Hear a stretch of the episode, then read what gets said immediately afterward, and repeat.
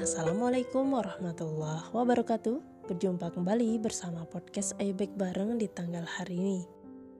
Masih di bulan Agustus, kita akan bahas sebuah insight Besar pasak daripada tiang. Peribahasa ini sudah sering ya kita dengar sejak kecil. Artinya, yaitu lebih besar pengeluaran daripada pemasukan. Sebuah peribahasa yang mengajarkan bahwa hidup harus seimbang, saat pengeluaran bertambah, maka pemasukan juga harus bertambah agar ekonomi rumah tangga kita stabil. Kalau pemasukan kita stagnan, padahal pengeluaran terus bertambah, maka jadilah besar pasak daripada tiang. Amat menampar sekali ya. Namun begitulah kebenarannya. Begitulah prinsip ekonomi kehidupan.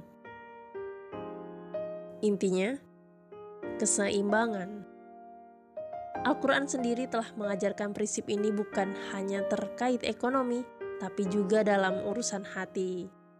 Al-Quran mengajarkan keseimbangan hati, seperti tersebut dalam Quran Surat Ar-Radu ayat 28. Ketika hati kita bertambah gelisah karena banyaknya masalah yang tengah kita hadapi, maka seimbangkanlah dengan tambah berzikir, mengingat Allah, maka hati akan kembali tenang. Al bidzikrillahi tatmainnul qulub. Ingatlah, hanya dengan mengingat Allah hati menjadi tentram.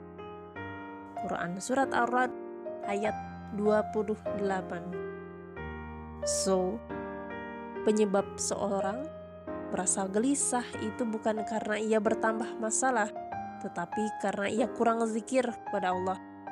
Besar pasak daripada tiang.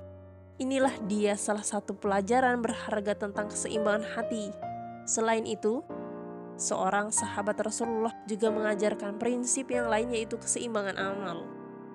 Dialah sahabat Ibnu Mas'ud yang berkata, Waktu yang kusesali adalah jika pagi hari hingga matahari terbenam, amalku tidak bertambah sedikit pun padahal aku tahu saat ini umurku berkurang. Duhai, nasihat pelipur lara yang setara dengan mutiara. Perhatikanlah bahwa agar hidup kita seimbang, ketika umur berkurang karena waktu terus bergulir dan bertambah, maka amal juga harus bertambah. Kalau amal kita stagnan, padahal umur terus berkurang, maka jadilah besar pasak daripada tiang. Inilah dua prinsip yang tidak kalah pentingnya dari ekonomi, yaitu keseimbangan hati dan keseimbangan amal. So, hati dan amal itu harus sinkron ya bro and sis.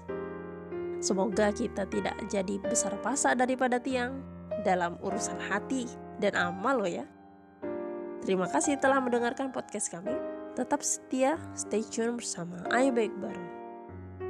Jika ada manfaatnya, silahkan disebarkan ya. Wassalamualaikum warahmatullahi wabarakatuh.